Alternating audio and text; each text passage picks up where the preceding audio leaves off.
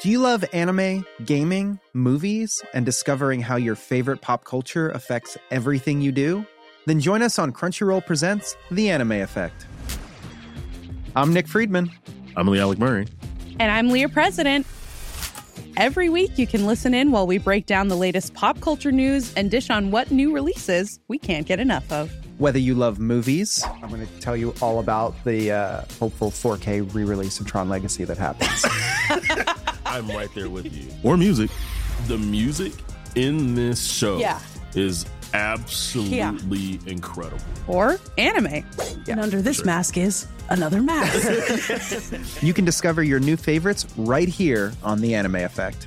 Listen every Friday wherever you get your podcast and watch full video episodes on Crunchyroll or on the Crunchyroll YouTube channel. Hey, I'm Ryan Reynolds. At Mint Mobile, we like to do the opposite of what Big Wireless does. They charge you a lot, we charge you a little. So naturally, when they announced they'd be raising their prices due to inflation, we decided to deflate our prices due to not hating you. That's right. We're cutting the price of Mint Unlimited from $30 a month to just $15 a month. Give it a try at mintmobile.com slash switch. $45 upfront for three months plus taxes and fees. Promo rate for new customers for limited time. Unlimited more than 40 gigabytes per month. Slows. Full terms at mintmobile.com.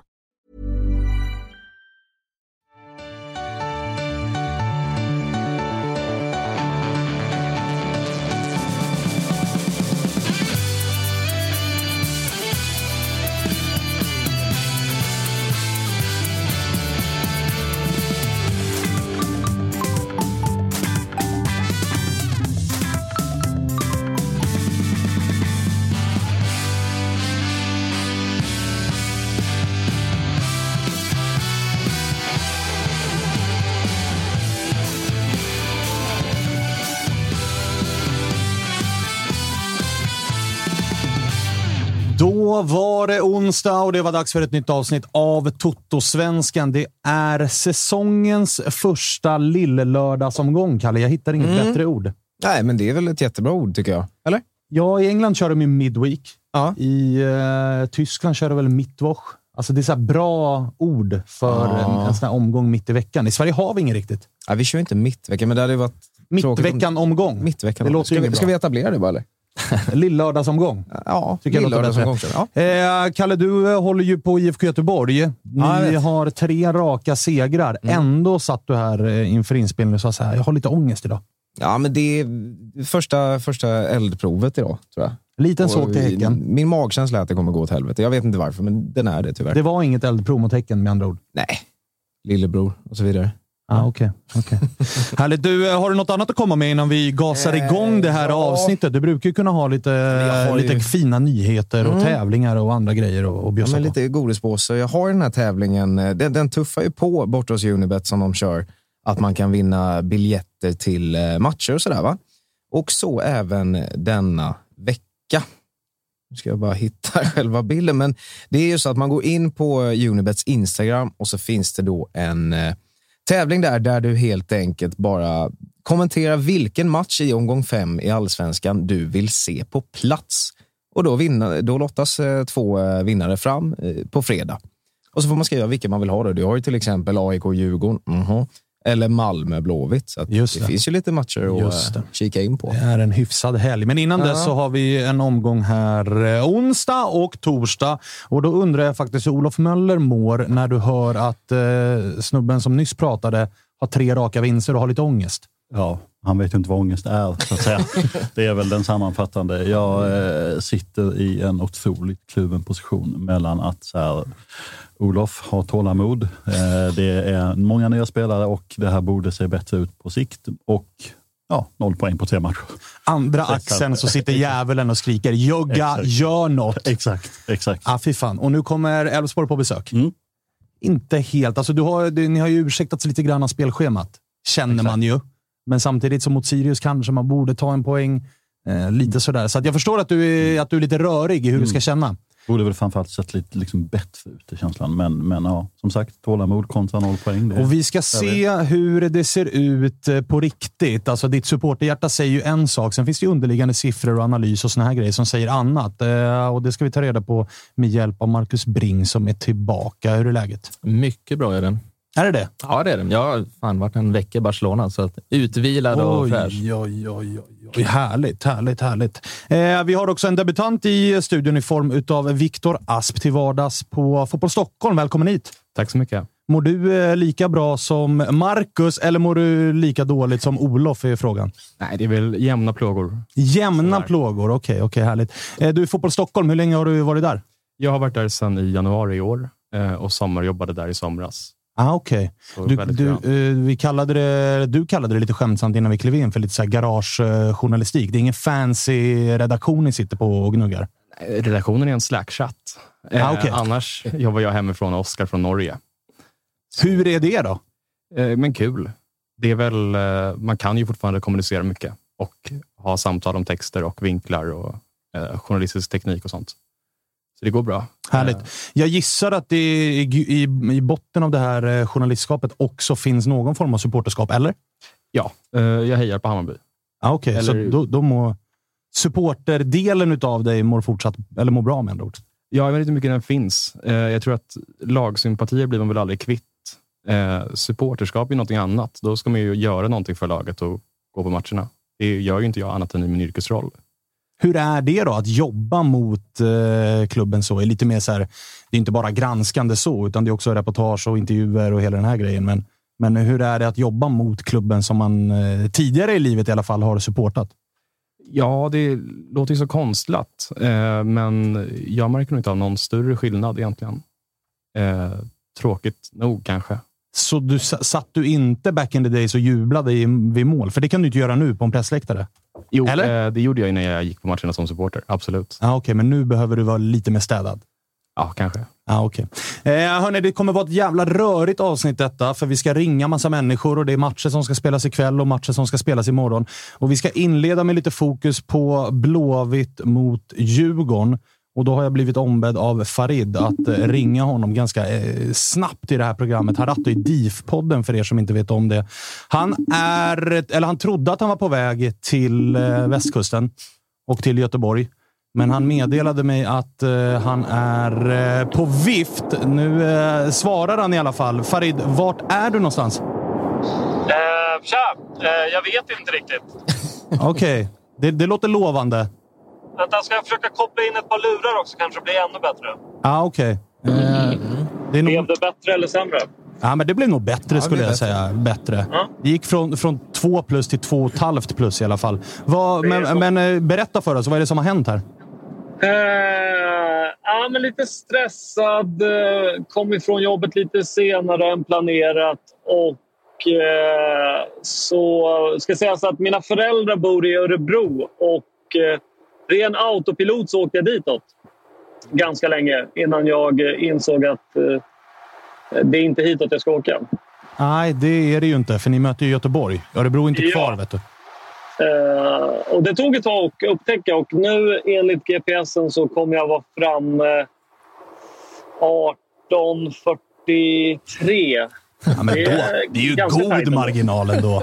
Är det både parkera och eh, ta någonting innan? Ja, ja, ja. Du hinner ju med det mesta. Toalettbesök och hela, hela Ja, det faderullan.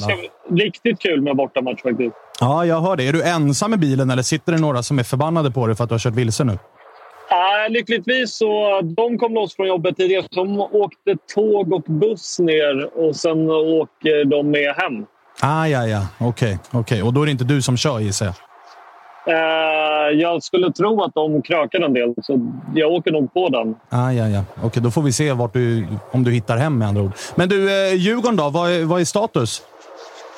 Eh, ja du, vad är status? Eh, det är väl ungefär samma frågetecken som vad är status på Göteborg. Är de bra på riktigt? Är de inte det? Är Djurgården bra på riktigt? Är vi inte det? Vi har väl perioder som ser ganska bra ut, men vi har väldigt... Eh, ja, vi är inte bra under jättelång tid. Det är liksom 20, 25, 30 minuter där vi är väldigt bra, men sen så jämnar vi ut det med att vara ganska så mindre bra.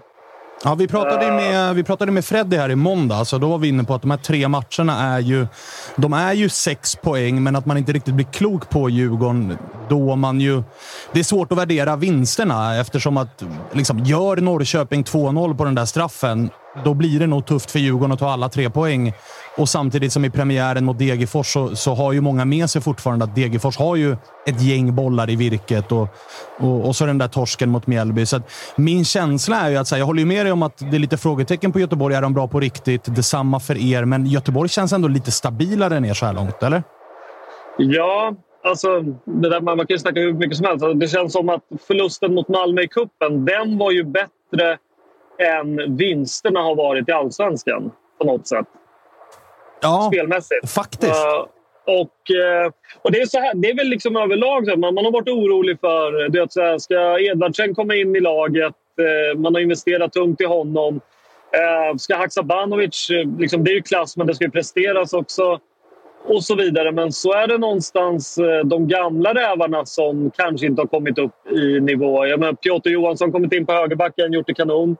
Eh, men då är det kanske så här, eh, fan, eh, briljanta Hjalmar. Han har varit bra, men han kanske inte har varit allsvenskans bästa back hittills. Men det kommer väl. Och samma sak med mittfältet. Så här. Det är något som inte rimmar bra där. Nej, jag eh, håller med dig. Och Sen så vet ju folk såklart om att du och jag har väldigt olika lagsympatier och jag såklart gärna ser att det är sämre än vad det kanske är. Men jag delar ju bilden av att Hjalmar kanske inte har varit riktigt lika bra. Och det lätta svaret är ju så här, han har inte pappa Une bredvid sig. Är det känslan som djurgårdare också, eller har ni någon annan uppfattning? Eh, nej men alltså, till hans försvar så har han ju eh, 75% ny backlinje att jobba med. Och dessutom så har Pia Bengtsson eh, och då sen Elliot Check inte kunnat vara med förra matchen och nu inte den här matchen heller. Så då är det ju någon som är ovan på den positionen. Det bidrar väl till helheten. Så har vi bytt liksom hans mittbackskollega från Isak Hien nu till, eh, till Lövgren. Liksom. Det är klart att det påverkar väl också. Eh, men visst, alltså, Une är väl underskattad. Det tycker jag. Men eh, jag tror nog att Hjalmar kan nog briljera även utan Une också. Det jobbiga med, eh, eller jobbiga vet jag inte, men det kan ju bli, det, det kan ju bli en säsong som bevisar hur bra och viktig Une Larsson faktiskt var ju. Ja, absolut. Eh, samtidigt som man så så här, ja, vi, vi, snackar också om hur, Djurgården har varit ojämna, men vi har ändå skapat ganska mycket lägen till att så här, jag håller med dig mot, mot Degerfors. Vi, eh, de hade ett par i virket, men samtidigt så vi, vi borde ha dödat matchen med 3-0 till och med innan första stolpträffen. Eh, så, sånt där går ju liksom eh, Att dividera om hur mycket som helst. Jag menar, Mjällby borta. Eh, har vi bra utdelning, lite stolpe in, då har vi kanske 1, 2, kanske till och med 3-0 i halvtid istället. Men så där är ju fotbollen. Alltså man, det, det är så här, ja, det är mycket om, men sker det inte så sker det inte. Nej, så är det ju definitivt. Men du, vad är känslan nu då? Göteborg borta, en eh, onsdag, våren är på plats. Det är, eh, hur många blir ni där nere? Strax över 1000? 2000? Jag tror det var typ 600-700 sålda. Eh, vilket är dåligt, måste man ändå säga. Jag trodde man kan bättre. skylla hur mycket som helst på att det är mitt i veckan. Det är innan lön och allt det där. Men helt ärligt så är det... Alltså, nu, nu talar jag för mig själv. Det, det är en uppoffring om en halv arbetsdag. Du kommer vara lite trött imorgon.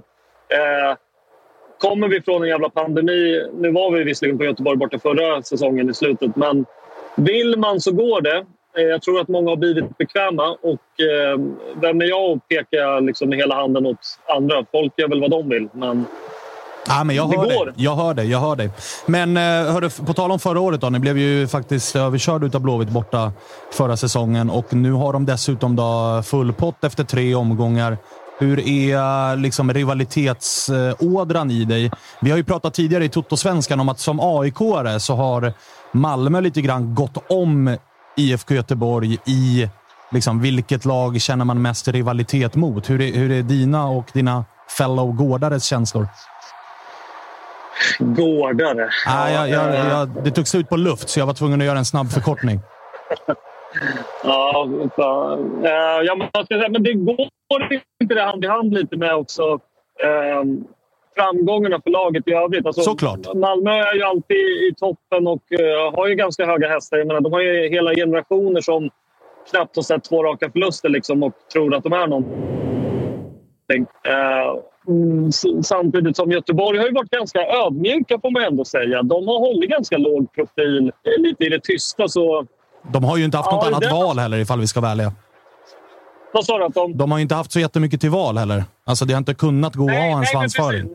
Nej, men man kan ju vara dum i huvudet och eh, ändå inte eh, hålla sig tillbaka. Det, det är lite som så här, internetkrigaren när- Bayern gick och vann. Så här, folk som försöker göra något narr av det, håna det. Liksom, det är, ibland är det bättre att bara hålla käften faktiskt. Ja. Men eh, så hur är din puls när det är Blåvitt som eh, ni spelar mot? Eh, nej, men inte någon sån där jättepuls ska jag väl säga. Eh, det är väl... Jag tycker det är skönt att vi slipper dem i, på hösten. Tyvärr så är de ju, verkar de ju lite stabila. Men så här, rent eh, känslomässigt mot deras supportrar så väcker det fan i mig ingenting. Ah, Okej, okej. Fan vad trist.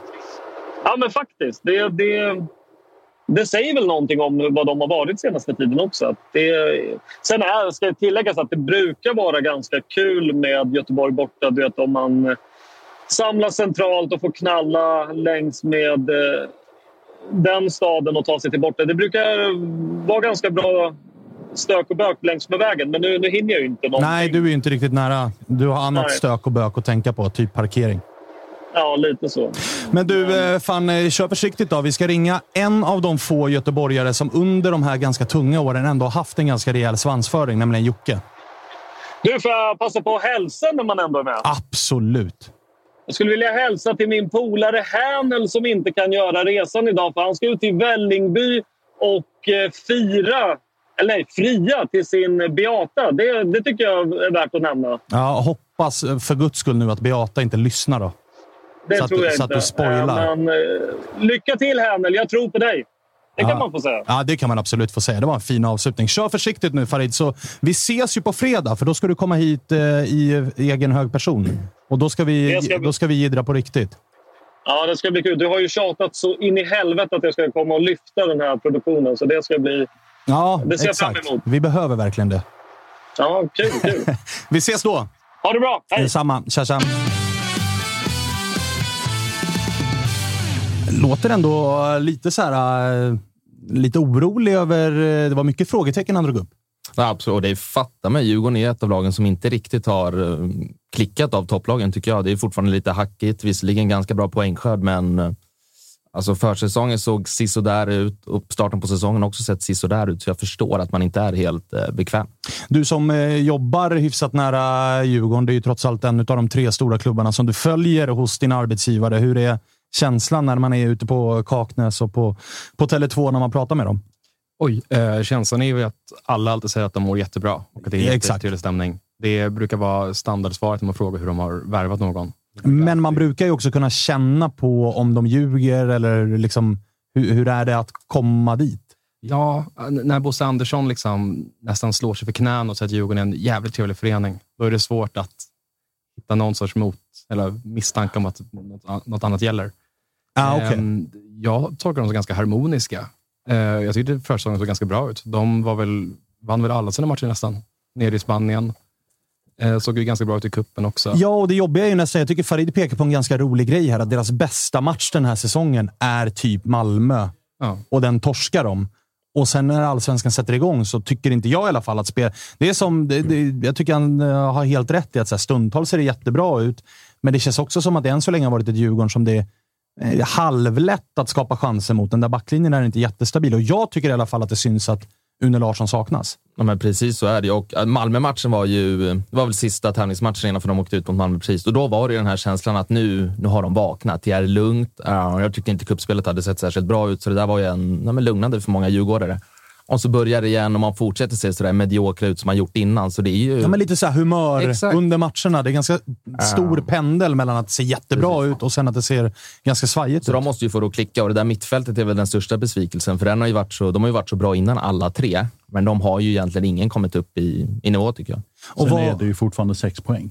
Ja, precis. Alltså, vilket är så här, alltså, det gör det ju ännu mer när vi- kluvet. När vi senast var med och blandade in oss som form av guldstrid, då pratade man så här, ja, men vi tar poäng även när vi var dåliga.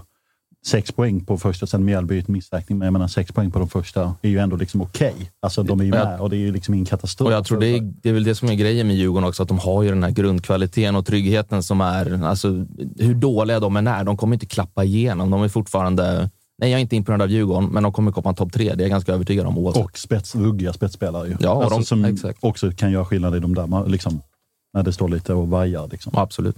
Vi ska ringa Jocke också och kolla hur eh, hans puls är och vad han känner. Farid var inne på att han känner ju ingenting av att möta Mm, Göteborg. tråkigt, eller? Ja, det är jättetråkigt, men, men eh, jag tror att han också kanske säger det för att vara lite, backhand slap, lite jiddrigare än vad han faktiskt är. Eh, Jocke, glajjorna på ja, ja, ja. Hallå, Solen hallå. skiner. Soliga västkusten, vet du. Ja, mycket ska man vara med om här i livet. Hur mår du? Ja. Jo, det är bra. Är Härligt, det. härligt. Nu, nu åker en spårvagn förbi också. Ja, såklart. Med Göteborg, eller? Lokala är vi. Eh, nu har jag full täckning mitt i stan, så bryts det nu så är det fan inte mitt fel. Ja, Okej, du eh, Farid har vi pratat med. Han körde vilse på väg till eh, Göteborg, så att han kommer typ på vissla. Men han eh, var bjussig nog att bjuda på citatet att han känner typ ingenting av att möta IFK Göteborg rent rivalmässigt.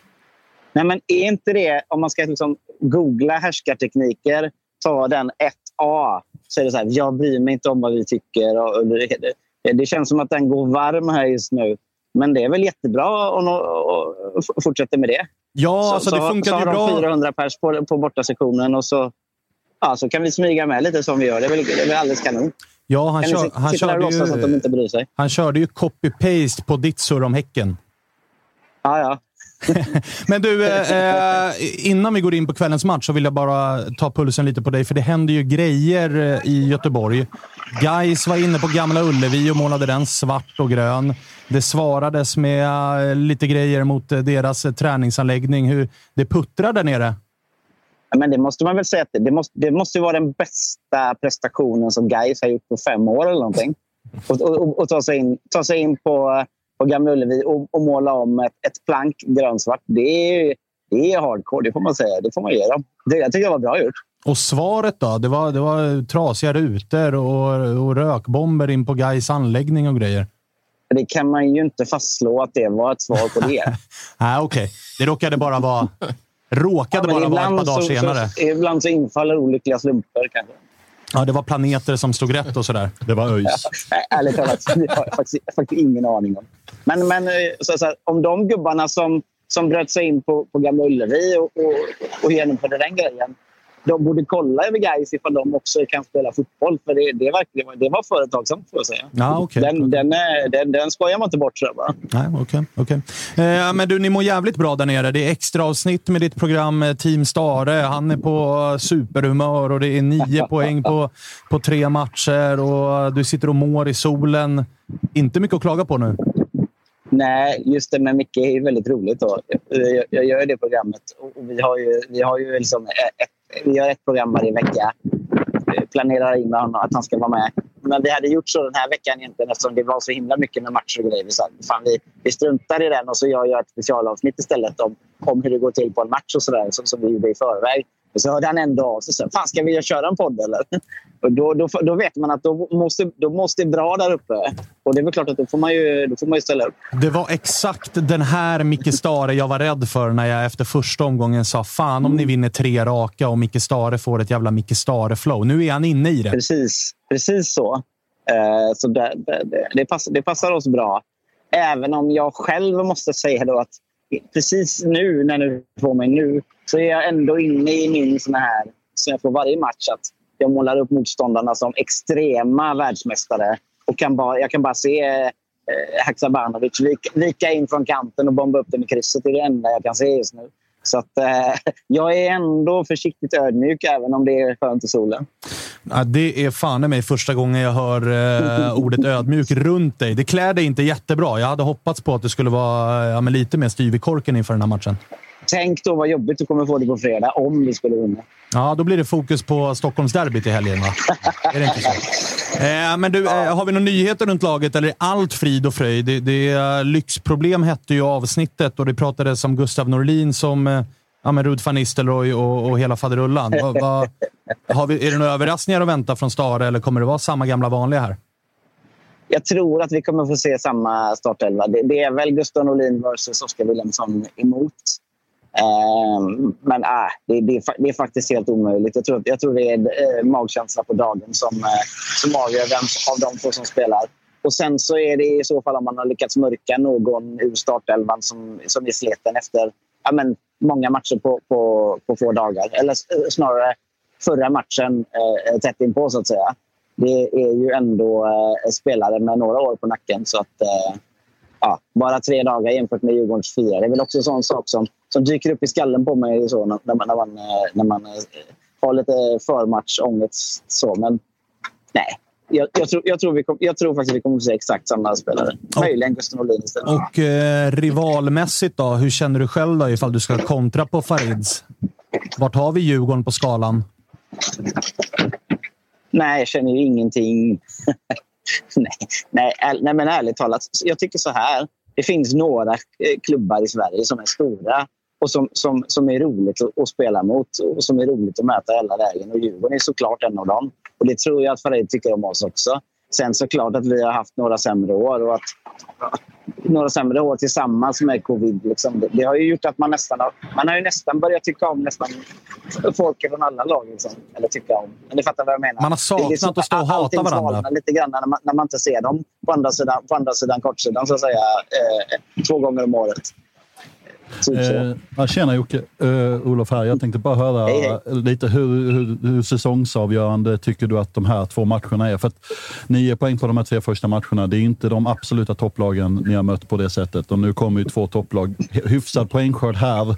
Så eh, apropå de här betygen vi försökt sätta på en säsong i, i liksom början av eh, det här liksom, projektet så att säga. Så, så hur ser du liksom på de två kommande matcherna sett ur ett säsongsavgörande perspektiv? Eller är det noll poäng och då känns det ändå okej? eller liksom, ja. Alltså, så här ska jag säga. Om vi får med oss någon sorts ansenlig summa poäng från de här två matcherna då kan vi kanske börja tänka på att omvärdera våra mål inför säsongen. Och, får vi med oss poäng både från Malmö och från Djurgården nu med den här inledningen då, då finns det ju ingen anledning att släppa liksom, eh, tankarna på, på, på, det, på hela vägen upp eller, eller i alla fall där, där i närheten om det är så att vi åker på dyngtorsk i de två matcherna, då får vi, det är klart att man hamnar tillbaka då. Eh, lite grann. Men sen så beror det ju hela tiden på, på hur det ser ut i matcherna. Jag menar, AIK åkte på torsk med 3-0 mot Malmö, men de var ju tydligen bra ändå. Så att, eh, de var tydligen bra ändå. Han mår ju, du mår lite vilket, för bra Jocke. Vilket, Lite vilket plåster på såret jag fick nu Ja. Jocke. Tack så jättemycket för Håller det. man inte lite, lite mer på Djurgården nu efter den här med Jocke? Att han- svära i kyrkan och säga det, men, men det är klart att krysset smakar inte illa här. han Det mår- gör det ju definitivt. du mår för bra, Jocke. Tar du kryss eller Jocke? Nej, du mår alldeles för bra för det. så här. Den känslan jag fick när jag var uppe med en extra vända på Kamratgården den här veckan gör att jag inte tar krysset på förhand. Jag kände bara shit, de, eh, de är så jävla inställda på att här ska det vinnas en match till. Liksom. Eh, Man kan ju ändå känna det ibland. att eh, det, det, där, där uppe var det ingen som hade tagit något jävla kryss. Liksom. Och då får jag väl eh, embracea den också. Ja, okej. Ja, du är ju mer eller mindre en del av klubben nu, så det är bara att köra på den. Interna organet. Exakt så. Du, eh, kör hårt då, så får vi se hur det där slutar. Jag ser fram emot eh, att se den här matchen i efterhand i alla fall, för jag tror det kan bli en ganska, ganska rolig historia. Vi hoppas på det. Hoppas det blir extra kul för mig då. Ja, det vet, vet jag inte riktigt. Men, Så men, blir det extra kul på fredag också. ja, det, det, men jag ser fram emot att ha dig här efter en förlust. Det har inte hänt ännu. Jag tror att du kan vara riktigt mysig då. Nej. Eh, men vi ses på fredag. Det blir roligt. Då kommer Farid också, så får vi se vad som händer. Hej, hej. hej, hej. Vad säger siffrorna då, Marcus? Hur bra är alltså, Finns det anledning för, för Jocke att ha den här eh, ja, men lilla hybrisen ändå? Nej, men jag satt och tänkte på det. Jag tror snarare att det är lite bluffvarning på, på deras start. Att folk är lite... Jag fattar att man som göteborgare såklart är supernöjd. Det är tre raka, men spelet har inte... Jag tycker inte att det sett särskilt bra ut. Häckenmatchen nu senast var väl den bästa. Vilket kanske skulle vara ja, med anledning till lite mer optimism, men eh, de har tre vinster på det de har presterat. Jag tycker inte Värnamo-matchen är särskilt bra. Och Helsingborg, det är liksom... Hade ju kunnat sluta kryss. Det är att de får ett ganska tidigt mål, var det 28 typ, Eh, och kan spela lite på det. Men det är ju ofta att de gör mål, sen faller de tillbaka och låter motståndet eh, pressa ner dem. Och, eh, försvarat sig bra, men det borde inte fortsätta hålla. Speciellt inte mot de här topplagen som, som kommer nu. Mm, vi har lite eh, nördstatistik från chatten här nu. Oj! Blåvitt har alltså då sju raka onsdagsmatcher utan vinst. Djurgården har sju raka onsdagsmatcher utan förlust. Det osar kryss, säger han. Det finns någonting, alltså när jag, när jag kommenterar matcher för Simor, vilket jag gör i gällande Serie A, det, då får man massa sån statistik matad till sig inför. mm. Si och så, det här har hänt. Exakt den här. Lördagsmatcher, Ja, onsdagsmatcher. Är det någonting jag stryker direkt så är det Ja, liksom de lördag. Ja, de är tydligen starka på en tisdag. Okej, ja, det men kan då vi så. kasta. Det där skiter man ju i. Ja. Det, det kan ju du styrka också. Nej, det här är bara... Hokus pokus. Ja, det lät lite astrologi faktiskt. Ja, men det- det är stjärnor. Mm. Eh, men som reporter på Fotboll Stockholm, då, hur mycket följer man lagen som inte är Stockholm? Eh, ingenting i yrkesrollen egentligen. Eh, vi bevakar bara elitfotbollslagen i herrallsvenskan från Stockholm. Eh, sen kollar jag ganska mycket allsvenskan för att det är kul.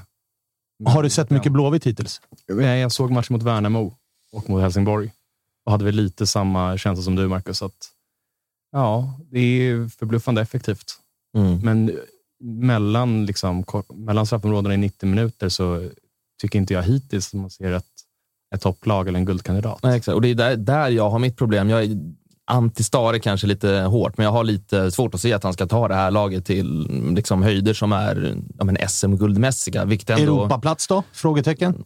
Nej. För jag tror ingen i Göteborgs supporterled Inte tänker nu. ens på ett SM-guld. Även vid seger ikväll tror jag inte, inte att de kommer tänka säsongen, det SM-guld. fattar jag. Men någonstans måste man ju alltid bygga långsiktigt. Du har inte Stare nu för att liksom kassan om ett år för att eh, gå för någon annan, antar jag. Jag gissar att de på sikt vill bygga ett SM-guldvinnande lag med tanke på att det är IFK. Det är ju ett av Sveriges största, en av Sveriges största föreningar och jag ser inte den höjden med IFK. Och den här säsongen, nej, jag tror inte de kommer konkurrera om Europaplatserna heller.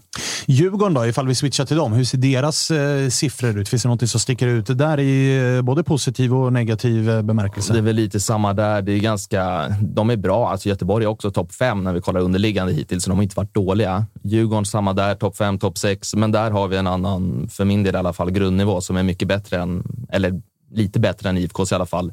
Och den kan ju de alltid luta sig tillbaka mot. Plus en spelartrupp som är, ja, vad kan det vara, topp tre i serien. Så de är ju ett stabilare lag än, än IFK.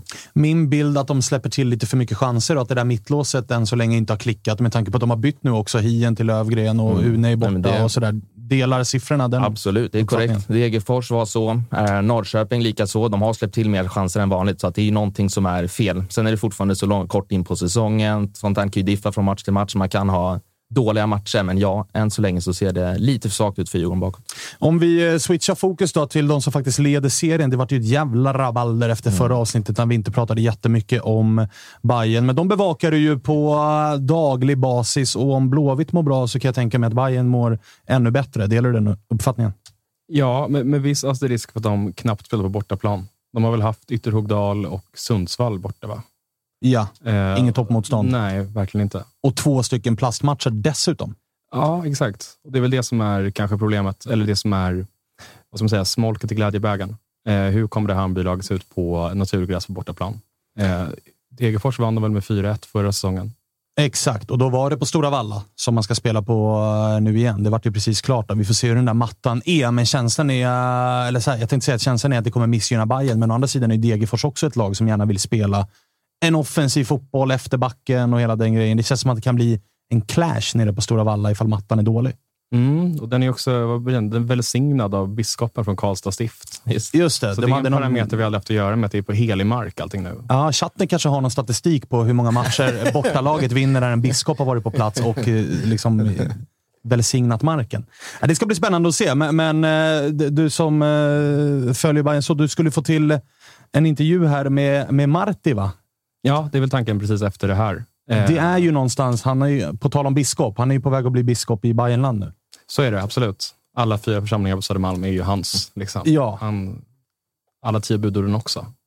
Och är, är känslan i Bayernled, för det ska man ju säga att det har varit en, inte en guldkandidat när vi sparkade igång den här säsongen. Nu är de i cupfinal, de har tre raka vinster, det öser in mål. Vi har än så länge inte fått se det dyra nyförvärvet i Steve Travelli. Är känslan att det kanske bör vara en guldkandidat? Ja, det är väl svårt för det är så många lag som jag tycker befinner sig på ungefär samma nivå. Alltså det är ju väldigt hårt skulle jag säga att, att säga att Hammarby är klart bättre än Elfsborg, eller Djurgården eller AIK. Det är de ju inte truppmässigt tycker jag. Eh, och därför är det svårt att prata om en klar guldkandidat. Då är det tre lag som de är jämbördiga med som de ska vara bättre än. Eh, I mitt perspektiv. Har du någon eh, rapport och insight på när vi får se Steve Travelli på plan? Ja, jag snackade med honom efter matchen mot Mjällby. Då sa han att det var mot Degerfors som det var tänkt att han ska vara i skick. Ah, Okej, okay. så lilla inhoppet nu? Lilla inhoppet. Oj, spännande. Vi ska ringa upp eh, Davva som vi hade med oss, som håller på Degerfors. Vi kanske ska ta pulsen direkt på den här biskopsgrejen och se ifall det har gett lite nytt mod till, till Degerfors. Och det här är ett gäng som ni ska ha bakom er i tanken, eh, Mm. Olof. Men man blir orolig direkt när marken är välsignad. Kanske jag. något som lag borde ta Känns efter. som att de har kommit Här har vi Davva med oss. Hur är läget? Eh, ja, det är väl okej. Det är väl det korta svaret. Ja, väldigt osäkert lät det. Har du inte fått något form av liksom, nytt mod när biskopen har varit där och välsignat Stora Valla? Eh, ja, det är väl först när man offrar en get som jag blir nöjd. Liksom. Ah, okay. Nej, nej, nej, men eh, alltså det är väl eh, alltså, summering av känslor. Det är klart att ser man till spelschemat på förhand så visste vi ju liksom att Djurgården och Kalmar, det, det ska mycket till om vi tar poäng där. Liksom. Eh, men sen har vi också fått nyheter nu med att vi kanske får en annan, annan uppställning att starta med. Så det är liksom, ja det är mycket som gör att man blir lite Ja, man mår sådär. Jag har svårt att, svårt att, beskriva riktigt men eh, man är ju det är ju ångest liksom, så är det ju. Samtidigt skulle det bli jättekul att möta Bayern på hemmaplan. Det, hur skönt är det att det blir eh, Stora Valla? För att senast mot... Eh, det går ju verkligen att prata om att det är och var en fördel för BK Häcken att de fick spela en match på plastgräs snarare än en match på eh, naturgräs. Nu är det faktiskt naturgräs. Även ifall vi, vi sa det precis innan vi ringde upp här, det fanns svårt att sia om för vilka detta är en fördel, då det är två lag som vill spela fotboll efter marken. Mattan kanske är sisådär, men någonstans måste det väl ändå finnas ja, men mentalt att så här, det här är våran hemmaplan, eller?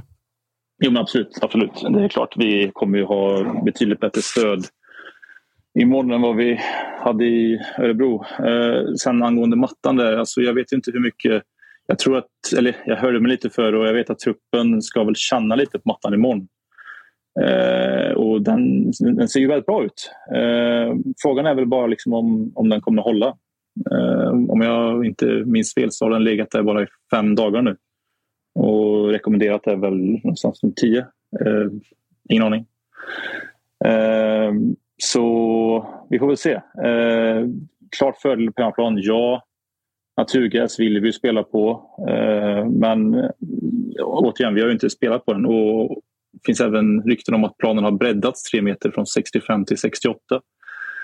Eh, så det blir ju en nyhet även för våra spelare. Eh, så det, det är mycket, mycket oklart här nu och framförallt med, som jag sa tidigare med att vi eventuellt byter formering. Det, ja, återigen, det är många bollar, eller många bäckar små. Känns, känns inte det lite förhastat då? För jag menar, det är ju som du var inne på. Det kan ju inte komma som en jättenyhet att poängskörden i de här tre första skulle vara lite halvskral med tanke på motståndet. Men det som kommer nu, eh, nu är det Bayern som kommer på besök. De har ju sett riktigt bra ut. Men sen är det ju Värnamo och GIF Sundsvall i två av de tre. Eh, dessutom Mm. hemmamatch mot Elfsborg. Att nu börja skifta istället för att köra det man har kört. Känns inte det lite förhastat, eller? Absolut. Eh, Jag vill bara tillägga att det är inte bekräftat någonstans att det är ett eh, skifte av eh, uppställning. Utan det är bara någonting som tidningen har, liksom, Ah, okay.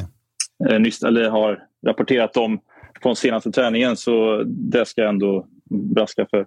Eh, jo, men det kan jag väl tycka. Alltså, våra matcher att vinna kommer ju, precis som du säger, på måndag nästa vecka och framöver. Eh, sen kan jag väl tycka liksom att vi kanske hade mått bra med oss några poäng i alla fall. Eh, I fjol hade vi ju tre poäng efter tre omgångar. Då, men sen eh, även tre poäng efter fyra omgångar. Så att eh, det är väl, ja... Jo, det är lite för tidigt kan jag tycka. Men som sagt, det har ju inte sett bra ut försvarsmässigt heller. Några av de problemen vi hade i fjol, de, de är ju kvar. Liksom. Det, tydligen så har vi inte lyckats arbeta bort dem. Eller hitta lösningar på det. Så att, ja, är det att det inte finns lösningar rent taktiskt eller handlar det faktiskt snarare mer om eh, att det är individuell kvalitet? Alltså det är ändå Viktor Edvardsen som är där uppe och nosar i skytteligan som är borta.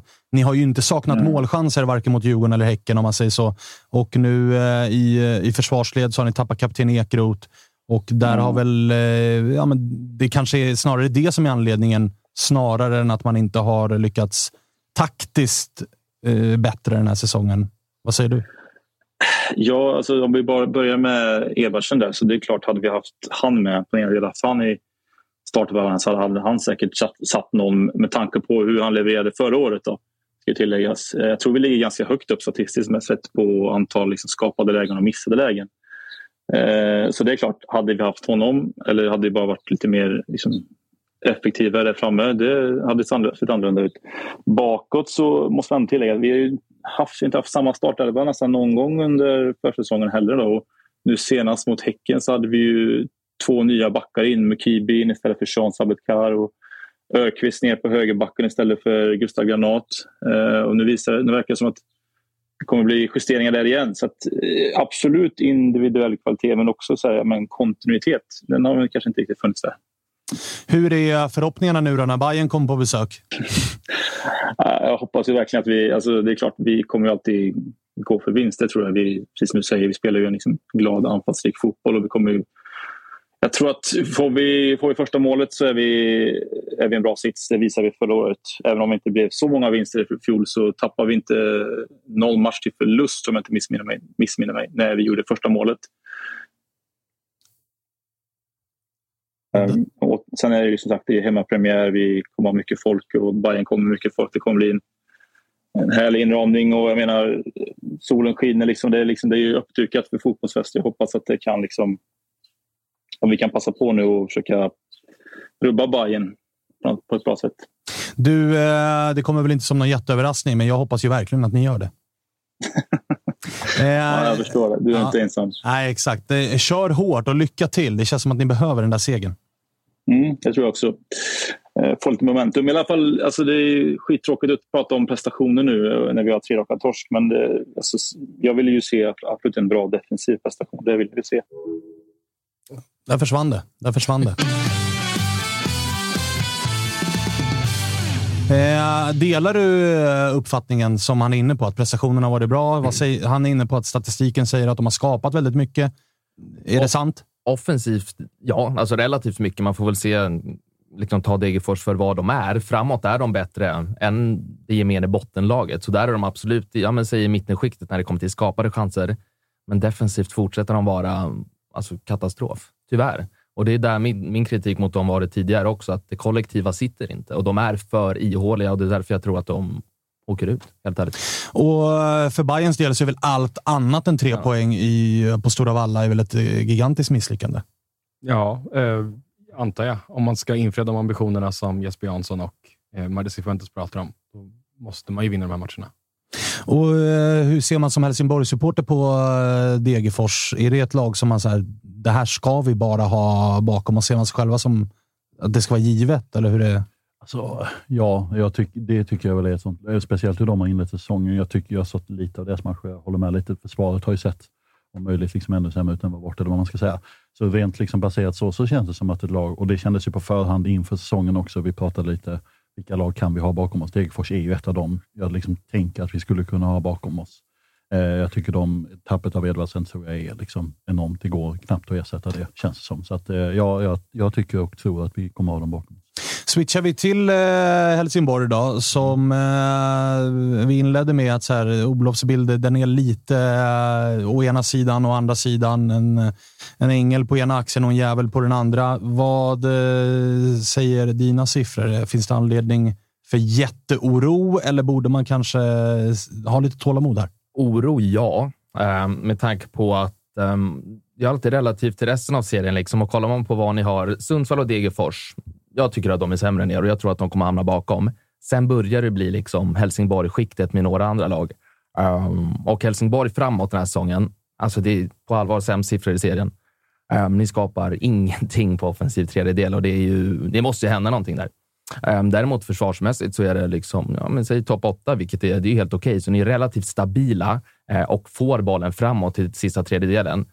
Men där klickar ju absolut noll. Taha Ali, eh, Kayed Hurken, det är helt liksom, det är ingen sammansatt eh, konstellation framåt och någonting måste ju ändras där från Lennartssons sida. Känns det så när du ser det också? Alltså det roliga är, nu när du säger det, ja, det man var orolig för inför säsongen var ju defensiven och så tänkte man vad kul det ska bli att se ett offensivt HF. Ja, det har varit helt tvärtom. Och nu är det helt tvärtom. Jag menar, det är ju, vi har, jag kan inte komma på mot Sirius där vi skapar en målchans, typ. alltså ett Ja. skott på mål känns som. Och det är bekräft, det är skönt att få det bekräftat att offensiven är dålig. Eh, men eh, liksom, eh, ja, vad var frågan? Nu tappar jag bort mig. Nej, men alltså, är, eh, vi pratade om oro. Det finns anledning att vara oro, men det, och det känns ju nästan chockerande. För det är som du är inne på. Man har, inför säsongen så var det, ju- det var ju allsvenskans Messi, Taha Ali. Hurken vet vi om. Han kommer göra sina tio. Nu har han gjort ett och det var egen bur. Och, och på andra kan- kanten så är det Kayed som inte får till det. Eh, och det, det var ju Jörgen Lennartsson som dessutom skulle vara 4-3-3, spela offensiv fotboll och det här. Och man har ändå de här problemen. Eh, så att frågan är ju, ska man ha tålamod med det här eller är det formationsförändringar som krävs? Eller vad? Alltså jag tycker inte man ska byta formation än. Jag tror att, liksom, apropå tålamodsdelen, apropå den här ängen av djävulen, det är ändå spelare, liksom, de tre mittf mittfältarna och de tre, de har ju knappt spelat ihop liksom, i den konstellationen. Så just i den delen, apropå att offensiven ser ganska dålig ut, lite tålamod tror jag man får ha där. Eh, det är fem tuffa startmatcher vi har nu. Det är Elfsborg, Häcken, det är inte superlätta fem första. Eh, så att på det sättet känns det ju ändå liksom betryggande att få de siffrorna, att defensiven ser bra ut. Men, men för det är liksom, får man då offensiven till så kanske mot de lagen som vi faktiskt ska slå, Degerfors, Varberg, Sundsvall, då, då kanske det kan se ännu bättre ut där. Men, men liksom, jag tycker att det blir det känns som att så här, det stakar för mycket i passningsspelet. Vi skapar inga rejäla chanser.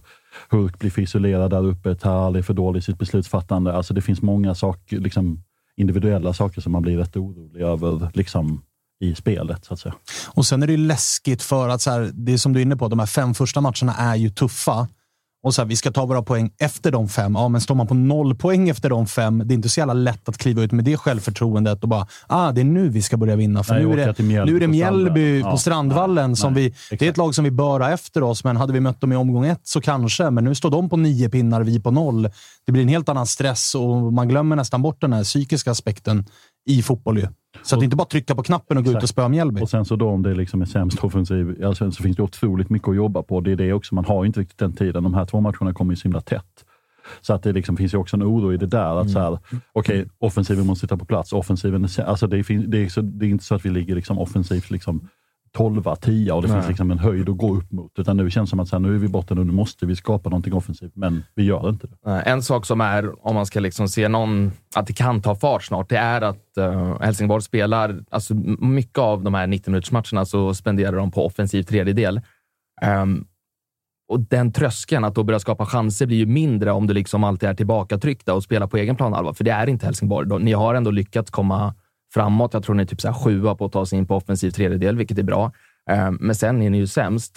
Men kan man då få det att klicka? Jag tror att det kan ganska snabbt slå över och faktiskt börja komma målchanser. Om de bara får lite, att de jobbar lite på de här sista bitarna. Vad hade man helst haft? Hade man, för nu här har vi två, det är två lag som står på noll poäng. Degerfors och Helsingborg, där de skiljer sig väldigt mycket. ju. Alltså siffrorna, de underliggande. Helsingborg, de släpper inte till så mycket, men de skapar fan inte ett jävla skit. Degerfors skapar hur mycket som helst, men de släpper också till ännu, ännu mer. Frågan är vad fan man hade valt här. Ja, jag vet vad jag väljer och det är Helsingborg med tanke på alla andra underliggande siffror också. Det är inte alltid bara vad du skapar framåt och släpper till bakåt, utan du är vart på planen du liksom spelar bollen och Helsingborg gör det framåt. De är på offensiv tredjedel. De måste bara få till det. Degerfors är kaos bakåt.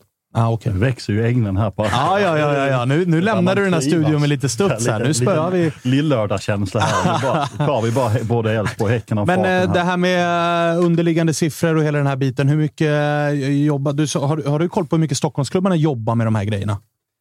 Oj, eh, faktiskt inte. Jag gissar att de gör det. Jag tror Ja, det jag har. Bayern är ju jätteduktiga på det vet jag. Ja, så de är lite i Andrew framkant. Sumter. Ja, precis. precis. Säg det där igen. Jag tror inte alla hörde. Andrew Sumter hette han väl? Eh, David Samter. tror David, jag. förlåt. Precis, David Samter som eh, ja, men har 12 Fotboll, ett eh, ja, men dataanalysföretag. Och jag tror att de är väldigt inblandade i, eh, i Hammarby. Så där vet jag att de, de har ganska bra koll. Eh, Djurgården och AIK vet jag faktiskt inte riktigt hur det ser Ah, okay, okay. Hur är det annars att jobba med eh, de här tre? Skiljer de sig åt? Alltså du som journalist i, ja, men i öppenhet och lättillgänglighet och eh, den här biten. Nå, egentligen inte tror jag. Nu tror jag att det är en liten konstig period, för nu lämnar ju fotbollen corona. Det har varit väldigt stängt. Eh, och nu så går man kanske mot en sån att istället för att som det var innan corona, alla öppna träningar, så kör man kanske en öppen träning i veckan. Eh, det är lite oklart hur mycket man kan träffa spelarna på plats eh, på träningsanläggningarna, eh, när man kan porträttera folk i sin vardag och så. Eh, så jag tror det är det som är liksom den avgörande faktorn eh, för klubbarnas mediehantering just nu. Hur de ska förhålla sig till ett post-corona och hur skiljer de sig åt annars då? Alltså upplever du som eh, i din yrkesroll att den ena klubben är mer öppen än den andra? Eller är de ganska samma lika? Eller? Ja, det är väl ungefär ganska samma lika. De har väl ungefär samma förutsättningar, med ungefär lika stort intresse, lika stort intresse kring varandra. Eh, sen är det väl klart att eh, det sportsliga påverkar ju. Det är ju kanske roligare att släppa iväg folk till press när det går riktigt bra. Eh, gissar jag, men jag vet inte hur mycket det påverkar heller. Du, eh, AIK Varberg ikväll då. Du ska vara på plats och jobba. Vad har du för förväntningar på kvällen? Eh, jag tycker det blir intressant. Framförallt så är jag väldigt intresserad av hur AIK ska få med sitt anfall. Eh, där vet inte jag hur mycket, eller vad ni tänker om det, men för mig framstår det som att det stora liksom, sportsliga projektet under hösten och även våren var att spela in ett eh, Nabbe Stefanelli-anfall. Eh, nu så har man Jordan Larsson. Då måste antingen någon av de tre måste spela på en kant. Om inte man ska sparka folk på bänken. Ja, det har ju blivit en liten AIK-diskussion om att man eh, för att få ut max av det här laget borde byta formation till en 4-3-3. Med tanke på att Bilal Hussein som nu är tillbaka i truppen. Samtidigt finns Ceesay och Ayari som har sett bra ut. Där finns ju Sebastian Larsson som vi alla vet. Det är fyra stycken ganska duktiga centrala innermittfältare där då i så fall två då ska sitta på bänken. Samtidigt då som det där anfallet nog hade fungerat som allra bäst med alla tre som anfallare, men där Nico med sin högerfot får utgå från vänster. Jordan med sin vänsterfot får utgå från höger och Nabil centralt. Så det tycker jag ska bli intressant att se om det är på gång. En sån förändring. Men jag håller med dig om att så här, den där värvningen av Jordan gör ju att saker och ting eh, det ställer till det lite grann i och med att han inte kommer in och bara tar en roll i ett välfungerande, välspelande piano direkt. Nej, att det inte finns en öppen plats i elvan för honom. Alltså, Stefanelli och Nabbe är ju för bra för att man bara ska bänka dem för det kommer ett nyförvärv. Tycker i alla fall jag. Och dessutom då så ska, ifall eh, det fortsatt, eh, det har väl varit den sämst bevarade hemligheten i fotbollssverige att John Guidetti förmodligen då kommer ansluta. Och det är också en annan spelare som i så fall ska in och då är det tre anfallare igen. Så det ska bli intressant att följa Bartos vår. Jo. Ja, verkligen.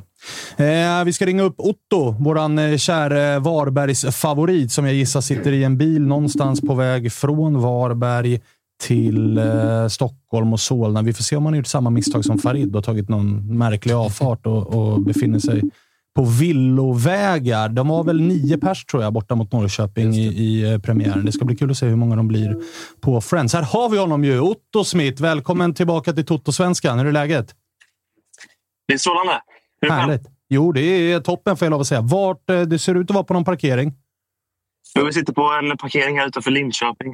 Eh, på väg upp till Stockholm nu från Varberg. Ja, Okej, du har inte kört vilse med andra ord? Nej, farsan, farsan är med som vanligt. Ja, okej, han så koll. eh, är inne på toa nu och ska köpa en korv eller någonting. Härligt. Du, eh, flaggorna i baksätet eller är det någon halsduk? Eller? Ja, det är en flagga och så har vi lite banderoller och så vidare. Och så vår Megan-flagga som vi alltid har med oss. Ja, härligt. Så eh, vi är fullt utrustade. Hur många blir ni i Solna ikväll? Ni var väl eh, strax ja, runt tio pers i alla fall i, eh, i Norrköping på, på premiären. Hur många blir ni nu? Ja, det stämmer. Vi var åtta personer i Norrköping och eh, i morse så var det tio borta sålda biljetter. Eh, så minst tio plus en jag vet har eh, bortakort som eh, ska med också. Eh, vi missade att köpa bortakort så vi, vi köper till varje match. Men eh, elva minst blir det i alla fall. Okej, härligt. Du, eh, det har nått med lite rykten om att eh, Jocke gör eh, en Jocke, nämligen att kanske snurrar elvan lite grann. Då är det ju faktiskt det Mjällby i helgen som väntar. Det är ju tre matcher på en vecka här och det går väl, om man vill vara liksom realist, att säga att Mjällby-matchen kanske är lite viktigare för er än AIK borta. Vad, vad tror du om de uppgifterna? Nej, jag läste lite om eh, vad Jocke hade att säga innan AIK-matchen och han roterade ju väldigt mycket inför eh, Sundsvall som vi, som vi vann mot 2-0 i helgen.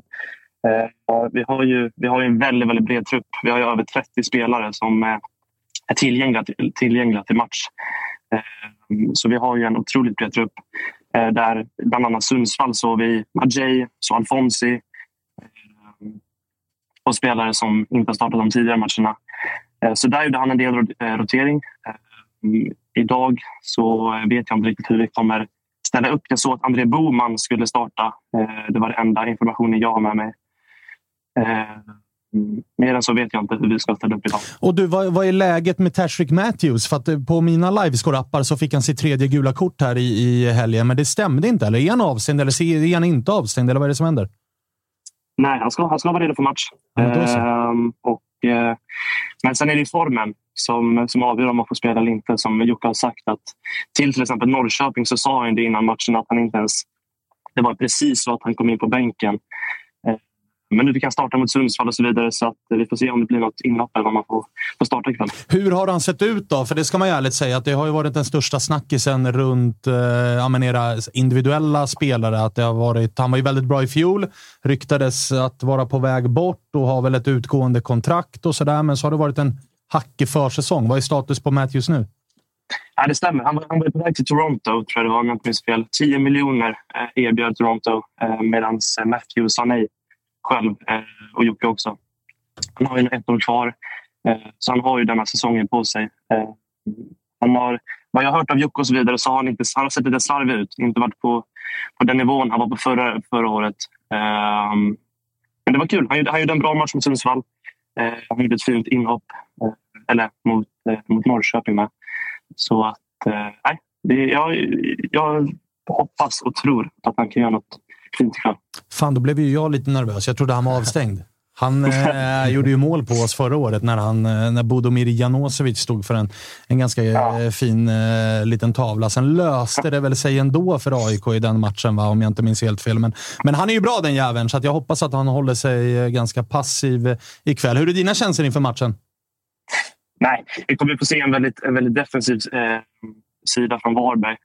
Även som vi gjorde mot Norr, Norrköping. Vi kommer spela med en 5-4-1.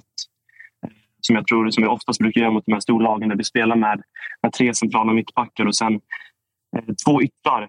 En eh, vänster och höger ytterback och sen eh, vänster och höger mittfältare som roterar väldigt mycket och kommer få mycket löpningar och, och eh, få springa mycket på kanterna. Eh, vi kommer nog ligga ganska lågt, tror jag, eh, under hela matchen. Eh, jag tror AIK kommer styra större delen av matchen. Men jag tror att nyckeln ikväll kommer vara att eh, vi tar vara på våra chanser som vi gjorde mot Norrköping. Norrköping. Eh, och sen även att vi vinner individuella eh, nickdueller och så vidare som vi är väldigt duktiga på.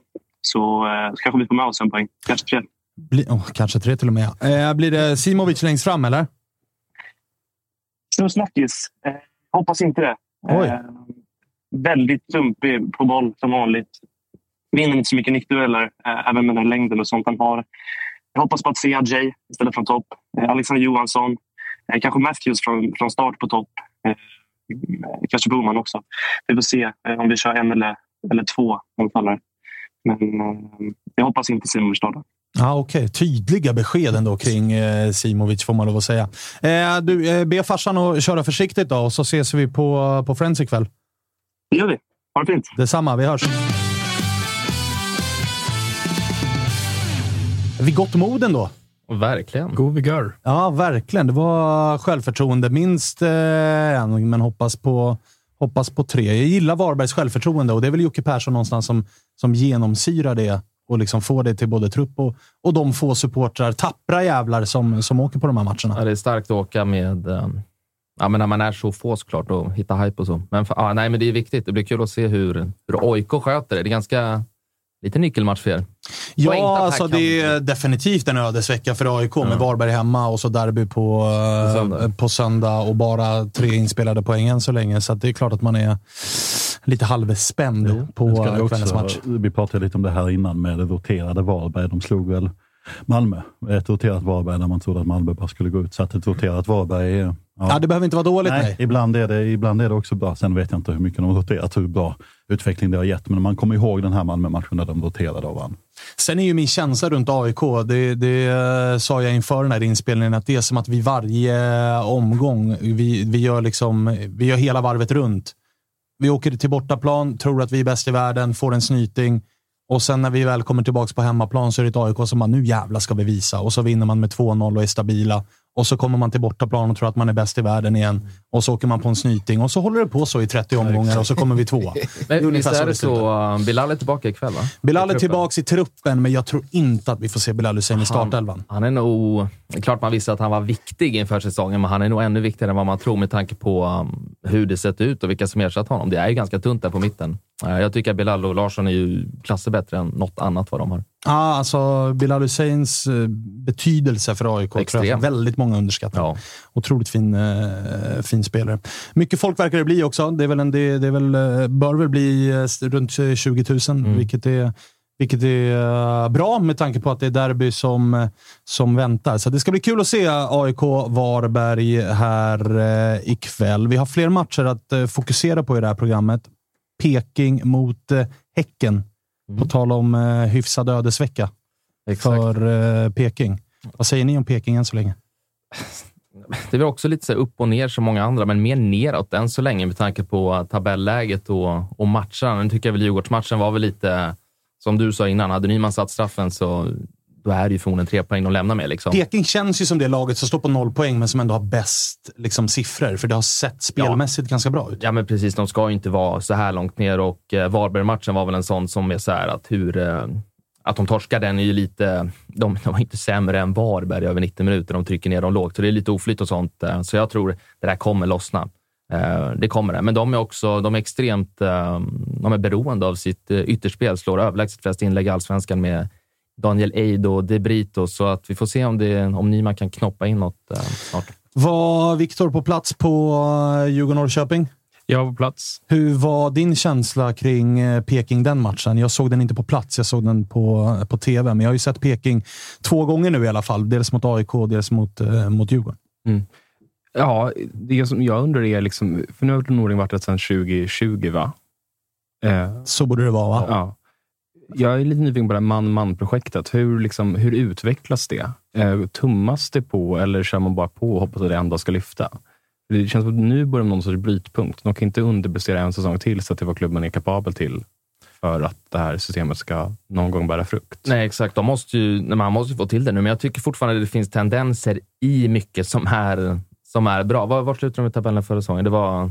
Någonstans mitt i. Ja, och det är ju för dåligt, Ja. givetvis, med tanke på, ja, på den trupp de har. Men de, som sagt, så de här underliggande siffrorna och prestationerna har ju varit bättre än poängskörden so far. Men hur länge kan man luta sig mot det då? När man heter IFK Norrköping? Det är klart att du inte kan göra det i all evighet, men bra prestationer kommer föda bra resultat. Så enkelt är det. Så man måste ha lite tålamod och nu får vi se. Det, jag tror det lossnar snart. Nu har jag inte koll på deras spelschema, men är det relativt enkelt så... Ja, det är Häcken nu och Kalmar nästa. Ja, det halvkul match. i och för Halvkula matcher. ja. Nej, vi får se det sluta, men jag tror inte Norling eh, borde inte hänga löst än på ett tag. Om ni inte ser fortsätter vara så här dålig poängskörd. Men Vi får väl tro. se vad eh, Henrik Kastegren säger, som ju faktiskt hade Rickard Norling förra året som tränare. Välkommen till Toto-svenskan, Henrik Kastegren. Tackar, tackar. Tjena. Du, vi sitter och försöker bli kloka på IFK Norrköping som du eh, lämnade inför den här säsongen. Du är numera i Gdansk. Till att börja med, hur går det där? Stämmer. Eh, jag har haft en eh, knackig start får man säga. Jag kom hit och sen efter tre dagar så åkte jag på covid och blev sängliggandes i tio dagar. Eh, så där stoppades väl den processen. Sen kom jag tillbaka och började igen och då blev jag magsjuk.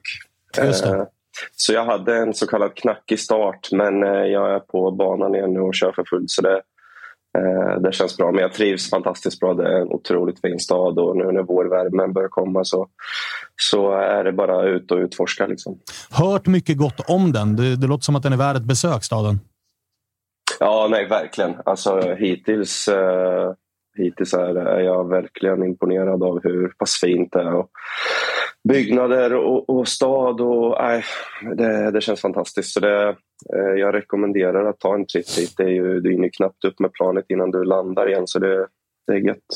Men du, eh, Norrköping är du född i. Du har spenderat typ hela ditt fotbollsliv i eh, klubben också, bortsett ett par smålån till Sylvia och, och Degen och sådär. Men, men hur, jag gissar att du fortsätter följa grabbarna noggrant? Ja, såklart. Eh, det här är väl första gången jag följer dem på, på distans och inte är med i den vardagliga verksamheten. Och, så det, det är någonting nytt, men eh, det, jag har väl märkt att man får ett annat perspektiv, ett litet annat alltså sätt att se på det nu, eh, nu i början. Så det, det är intressant på ett nytt sätt. Sen är det väl inte så så roligt att se det från eh, distans när det inte har gått så, så himla lyckat faktiskt. Men ifall du ska försöka sätta fingret på varför IFK Norrköping står på noll poäng efter tre spelade omgångar. Då? Är det bara liksom, äh, haft lite oflax med marginaler eller finns det annat som, som inte stämmer? Nej, men jag skulle vilja säga att eh, eh, slutet på förra året så hade vi problem med att vinna matcher och problem med att kontrollera matcherna när vi får dem till vår fördel när vi var bra. Det kan jag väl tycka har, har fortsatt med, eh, med det här sättet att spela med det här man-man-försvaret som till stora delar är, eh, är väldigt, väldigt bra. Det kan skada många motståndare men det jag, det jag har känt när jag spelade, men framförallt även nu när jag ser det utifrån så när IFK är ja, men de enda i allsvenskan, för det i alla fall som spelar ett uttalat man-man-försvar. Så det är väldigt, eh, det kan se väldigt sårbart ut på, på ganska, ganska enkla sätt. För det, det är så här, I ett zonförsvar så har du väldigt ofta täckning. Du har, eh, om du går upp i en duell så är det resterande mot medspelares ansvar att täcka efter dig. Men i ett man-man-försvar, framförallt i en backlinje, så, så är du ofta ganska, ganska utlämnad och det blottar individen på ett sätt som som det ställer otroliga krav på dig. Och ser man till Djurgårdsmatchen till exempel så, så är det ju liksom att det spelar ingen roll om mittbackarna har åtta utav tio lyckade aktioner. Är det två misslyckade så kan det i det här fallet som det blir bli två mål i baken. Liksom. Vilket det kanske inte hade blivit om man hade haft lite mer täckning, lite mer ett annat tänk. Men å andra sidan så vinner de ju och som vi gjorde i fjol, många bollar högt upp och kunde straffa motståndare på det. Så det, det går ju, Rickard pratar ofta om den här filten man har. Drar man upp den för långt upp så syns tårna och drar man ner för mycket så fryser man över överkroppen. Det, det är komplext det där. Men du, eh, du är inne på det där man-man och eh, Viktor var också inne på det här nyss. Att så här, man, man, blir, man har lite svårt att, att, att bli klok på det. Min, du får ta den här frågan för vad den är. Det är ju trots allt det enda allsvenska laget som spelar man-man och eh, placeringen i fjol var någonstans i mitten. Inledningen på den här säsongen är lite sisådär. Och min fråga nu handlar ju snarare om att så här, de lagen som spelar den här fotbollen och gör det väldigt bra, det är eh, liksom stora topplag ute i Europa som har råd att värva spelare från alla världens hörn för jättemånga miljoner. Är vi tillräckligt bra individuellt för att spela man-man? För som du är inne på, det, det räcker med två misstag. Det, det, det, gör du tio aktioner och åtta av dem är klockrena, så två misstag, två mål. Och jag menar, det är trots allt den 29 bästa ligan. Liksom. Du förstår vad jag menar? Att, är vi redo för man-man? Nej, men om, du, om du tittar på alltså, tittar du på målen som IFK har släppt in i år så, eh, som har kommit från öppet spel så är det ju att ja, men den försvararen förlorar sin duell mot sin gubbe. Som mittfältare så skulle jag, när jag har spelat central mittfältare så känner jag att ja, men det, det är en dröm att spela man-man för din uppgift är väldigt enkel och du kan liksom, du har inte så mycket att förlora på om du skulle förlora en duell för du har täckning bakom med spelare. Men som försvarare så kände jag framförallt att det ställer extrema krav. Eh, jag är tacksam för att jag har fått utöva det för jag har utvecklats enormt mycket i mitt en mot en försvar och ja, men hela den där biten. Men det krävs inte heller speciellt mycket. Det kan vara en, en felstuds och en riktningsförändring på bollen På sista sekund så har du en egen planhalva. Ja, men typ Asoro-målet sist. Eh, det krävs inte så mycket för då när man står så pass högt att det ska bli, att det ska bli farligt. Så det är svårt att säga om vi, vi eh, är tillräckligt bra i Sverige på att utöva det. Jag tyckte att stora delar utav fjolåret med IFK hade vi stor framgång med det. Men det blev också det, det blev båda världar så ja, jag kan inte riktigt ge ett svar på om det handlar om, om, om kvaliteten i svenska ligan kontra, kontra ute i Europa. För trots allt så möter du ju lag som rimligtvis ska vara på, på samma nivå. Men du, eh, det som väntar nu då, det är, är Häcken hemma, Kalmar borta. Alltså, det, är inte, det, det är ingen superskräll ifall eh, Peking faktiskt står på ja, säg en poäng efter fem omgångar. Hur stressat tror du att det är och eventuellt kan bli här ifall det vill sig riktigt illa de här två kommande matcherna i, i Norrköpingsled. För man ska ha med sig att det var en, en ordförande som i försäsongen pratade till och med om titelambitioner. Det är trots allt en historiskt stor klubb med mycket supportrar. Hur pass stor eh, tror, tror du stressen kan bli? Nej, men det är klart, jag tror att jag vet själv när, när, eh, när det gick. Jag, jag vet att vi hade ett, ett flow i fjol eh, när vi, ja, men vi gick från mittenplaceringar och precis i något landslagsuppehåll där vi bara liksom körde över våra motståndare och då tänker du inte så mycket. Men sen å andra sidan hade vi en period i slutet där vi inte vann en match och då tänker man fan vi är bra men vi får inte till det och det tror jag definitivt att de, de pratar även om det. Att, ja, men vi har varit ganska bra men vi vinner inte och ska man se till vad det är som som räknas när man stänger säsongen efter eh, sista matchen så är det många matcher du har vunnit och inte hur bra har varit och de matcherna du har förlorat. Så det, de måste ju på något sätt få fram att resultattänket är extremt viktigt. Och Samtidigt är det också jobbigt att känna att fan vi har varit bra men vi vinner inte. Så det sätter ju sig såklart mentalt i spelarna och i klubben att vi vinner inte men vi är bra. Och framförallt när liksom, man, man säger en sån sak eh, inför säsongen så, så även om inte andra har tippat eh, laget som, eh, som vinnare så skjuter det upp lite förväntningar eftersom att det, kom, det kommer inifrån så är det ju så som vi ser på oss själva. Så det, eh, sett från IFKs håll. Då. Så det blir ju, ja, Eh, mentalt är det definitivt. Och sen ska man ju komma ihåg att Eh, hade, vi, hade, eh, hade IFK vunnit eh, två, två av de här matcherna och sen torskat Häcken-Kalmar, vilket inte är en omöjlighet för det är två bra lag och Kalmar borta har ingen enkel match. Det, eh, det, är, eh, ja, det är splittrat, måste jag säga. Men du, jag funderade på det här tidigare. Att så här, det, det, det är noll poäng, men det är som du säger, spelet har sett bra. Kan det inte vara skönare ibland som spelare att, alltså, om det hade varit noll poäng på två matcher och spelet har sett skit ut. För då vet man att så här, vi måste göra något annorlunda. Det måste vara svårt mentalt att ställa sig in på att nej, men vi ska bara fortsätta som vi har gjort så kommer det komma. När det är noll poäng trots allt. Nej, men alltså, det, är ju, det är ju en frustration snarare att, att vi, gör all, vi känner att, vi, att, att man som spelare känner att vi gör rätt men vi får inga, inga resultat. Eh, så det är ju, någonting måste ändras, kanske lite mer cynism i att men, målet målet görs på, på kortsidorna. Eh, och det är dit mer vi ska. För när jag, när jag har sett på, på matcherna så kan jag känna att jag har haft lite att man, jag, när jag ser det utifrån så känner jag ofta att IFK är otroligt bra på att just hålla bollen och eh, systematiskt bryta ner motståndarna. Men när man inte kommer förbi sista ledet så kan det bli väldigt enkelt för motståndarna att, att kontrollera det. Eh, så det är väl mer att eh, lite mer cynism och lite mer direkta kanske. Så, som jag har sett matchen ifrån. Att, att uh, gå lite mer direkt på. Två frågor på det då. Hur stor är saknaden av Adegbenro? Nej, men han är ju en sån spelare som, ja, som jag som spelare förra året kunde känna bara att ja, med Totte och Adegbenro så liksom ja, ge Samuel bollen bara. Ja, men, ja, det, han löser det. Nej, men lite så var det. Han kom upp där som gubben i lådan, bara sådär. Eh, utan att egentligen glänsa, men han hade den där individuella kvaliteten som, som IFK har varit väldigt, eh, väldigt lyckligt lottade och haft ganska under många år och sedan sånt vidare. Men det är så näringskedjan funkar. Så det gäller ju bara att, att andra spelare axlar den rollen och, eh, och försöka göra det bästa av det. Men eh, Ja, jag, inte. jag tyckte det var lite bättre senast mot Djurgården när man, när man flyttade upp Levi i sin mer normala position. För Jag tyckte att Totta har varit lite för ensam, framförallt mot AIK. Eh, när, när, man spelar med 3-5-2 och just håller i bollen, då blir Totta extremt ensam där uppe.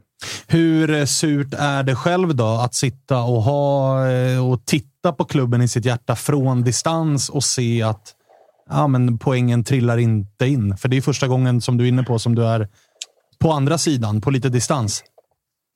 Nej, men det är såklart tråkigt att, att, eh, att, att de inte får ut det i resultat. Och Sen tycker jag också att det, att det blir... Eh, jag vet inte. Hade det här varit i mitten av säsongen när det här kom så blir det inte lika påtagligt. Tre matcher, ja, det, det, det kan man torska i rad. Men det blir extremt påtagligt i början nu när man går en hel, den hela här, hel långa försäsongen i Sverige och sen så pang på och så blir det tre torsk. Det är, jag vet inte, ja, det blir ju rörigt liksom. Ja, det förstår jag att det blir. Det, det är sjukt Ja. när det är, man brukar ofta, ofta- prata om att så här, det är tre poäng mot eh, eh, som, för, för AIKs del den här veckan är det Varberg hemma, Djurgården hemma. Det är klart att det är tre poäng i båda matcherna, men, men det, det är Mm. också självklart att de ena tre poängen väger lite tyngre än de andra. Lite samma är det ju med en Men så Absolut. Nej, så det, det gäller ju ganska fort att få, få resultat när det blir så här så att det inte fortsätter att, att det pratas prestation och, och inte få ut det. För jag menar, det hade nästan varit enklare om de hade känt att vi är så jäkla dåliga men vi, vi kan ändra på det än att säga shit vad bra vi är men vi vinner inte.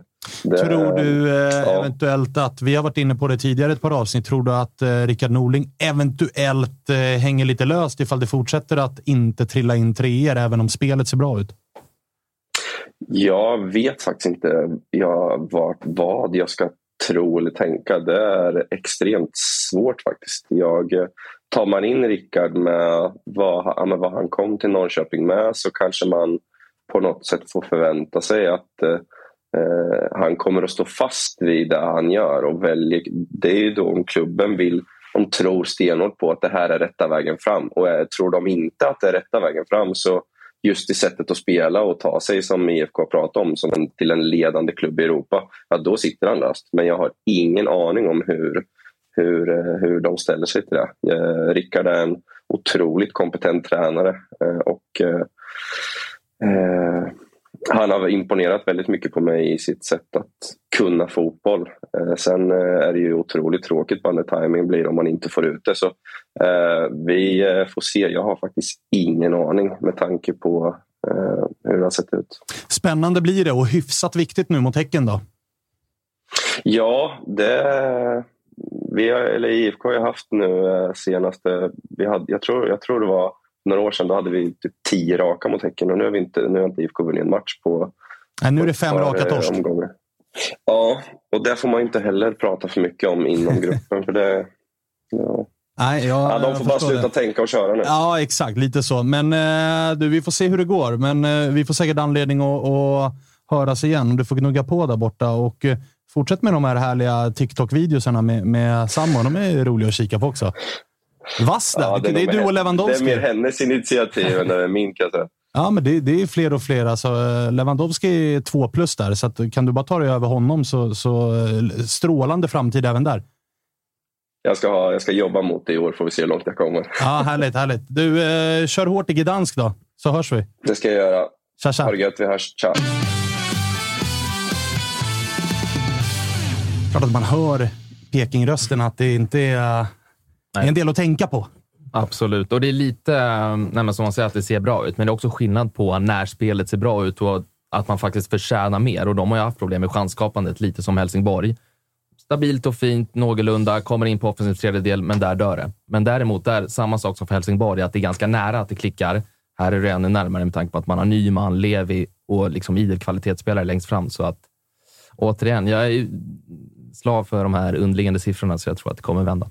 Har du några andra underliggande siffror från liksom tre spelade omgångar som verkligen är så här man hajar till på, som sticker ut lite grann? Jag har en grej kopplat till, som jag nämnde lite tidigare, till Helsingborg och det är, jag vet inte hur mycket man äh, gillar Charlie Weber i äh, supporterled. Jag, jag, är så, ursäkta, jag är svag för honom. Ja. Eh, han har ju alltid setts lite som en säkerhetsrisk, men kom ju ut och fick en vända. Guys tog rätt mycket ansvar, kom tillbaka och har ju visat sig vara en ledare både på och utanför plan nu. Så att, Mm. eh, jag tycker, eh, ja, men jag har alltid varit lite svag för honom. Och han är ju en sån som, när man kollar på passningsspelet, är absolut bland de än så länge bästa med eh, bollen och på progressiva pass, slå in den på offensiv tredjedel och jag tror att han, om det var två eller trea av eh, samtliga, mitt, eller samtliga spelare i serien just nu, så att um, superbra med bollen. Och det är en sån grej som absolut sticker ut och som ska creddas.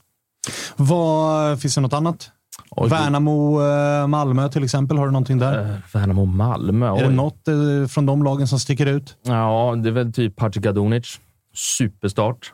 Det här med duellspelet. Vinner ju varenda luftduell. Han är ju ett djur längst bak, verkligen. Och så extremt duellstark. Och varit, jag trodde att han skulle vara bra, men inte, inte så här bra faktiskt. Så han är en sån som vinner extremt mycket dueller.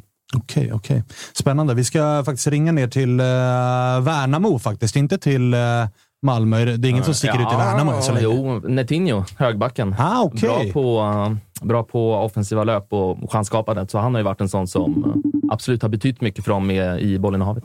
Felix var ju en favorit när vi hade deadline-uppesittaren. Okay. Många tittare som, uh, som gillade att lyssna på Felix. Okay. Vi ska se hur pulsen är i Värnamo när Malmö kommer på besök. Här har vi honom ju, Felix. Hur är läget med dig?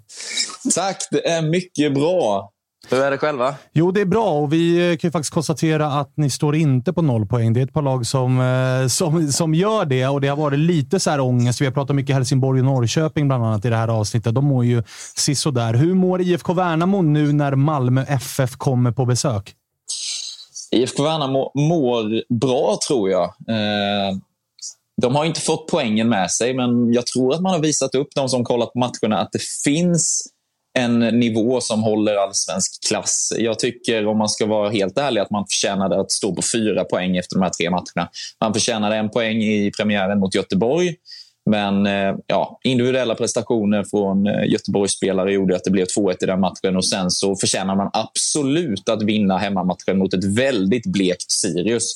Eh, som närmast var man ju en ribbträff och bollen studsade ner på mållinjen man dominerade den matchen i vad jag skulle säga 70 procent av matchen. Sen blev det lite tillknäppt sista 20, men, men äh, nej, den matchen skulle man absolut vunnit. Nu står man på en poäng. Eh, viktigaste matchen blir väl egentligen nästa efter Malmö mot Degerfors. Då måste poängen börja rulla in, annars kan det bli lite, lite jobbigt.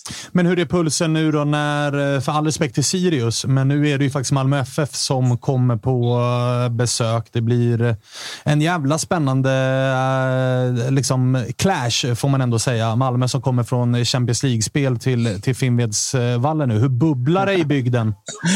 alltså, något besviken måste jag säga att jag var eh, efter premiären, eh, hemmapremiären då mot Sirius. Det var 2800 personer drygt som hade tagit sig till Finnvedsvallen, en arena som ligger väldigt centralt i Värnamo. Det är inte så att det, det krävs någon längre busstur, inte någon busstur över, över, överhuvudtaget faktiskt för att ta sig dit.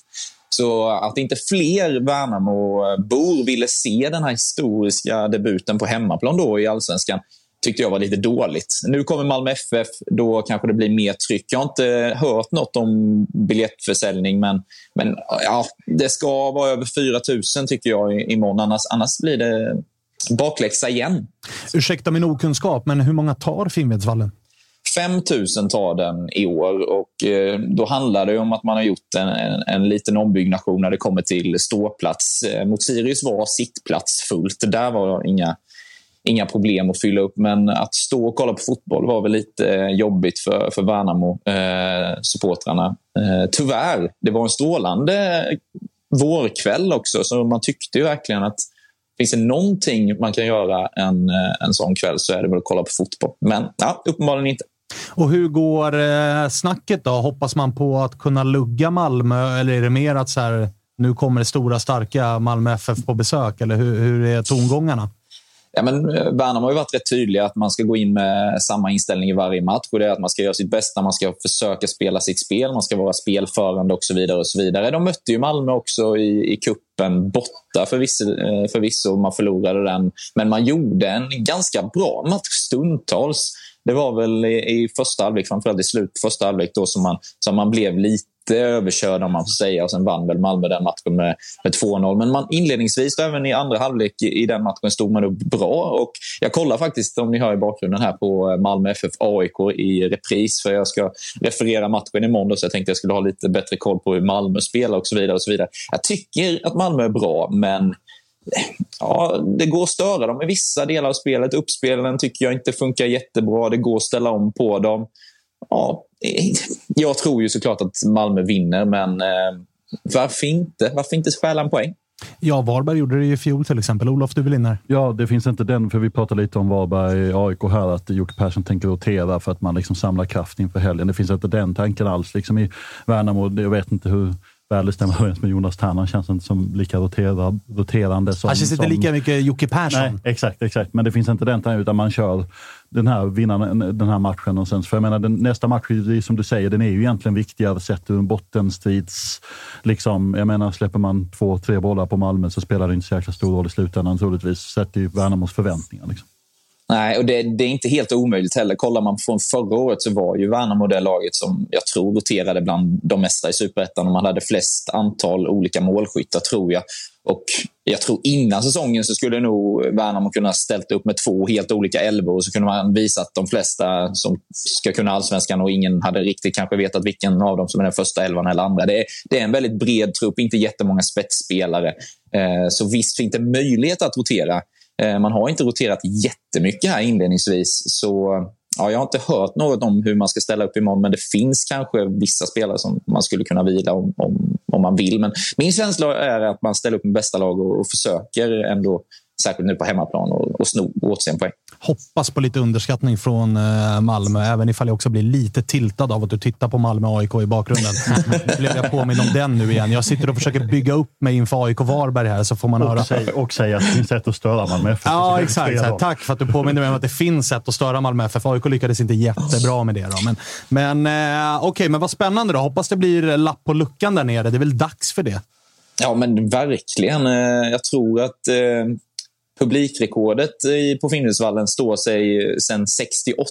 Då mötte man Gnosjö, grannkommunen, då, grannlaget, i någon division 2-match. Det var visst fullt med folk och glatt liv den matchen. Jag menar, ett, ett publikrekord måste ju slås i allsvenskan gentemot division 2. Så ja, om ni är IFK-fans och lyssnar så, så ska vi banne mig ses på Finnvedsvallen imorgon tycker jag. Sen ska jag ärligt säga att jag hoppas att det kommer saknas två personer, för det finns någonting i att publikrekordet är IFK Värnamo mot Gnosjö i division 2. Det är fan eh, ja, otroligt kanske. vackert. Så att, eh, det hoppas jag står sig, även ifall det kommer mycket folk. Och jag hoppas att ni kan störa Malmö också. Men du, alltid kul att ringa och prata lite grann med dig. Nej, men nu gjorde Toivonen 2-0. Tack för det. Tack. Eh, vi hörs. Vi hörs en annan gång. Eh, stäng av det du har på tvn. Hej.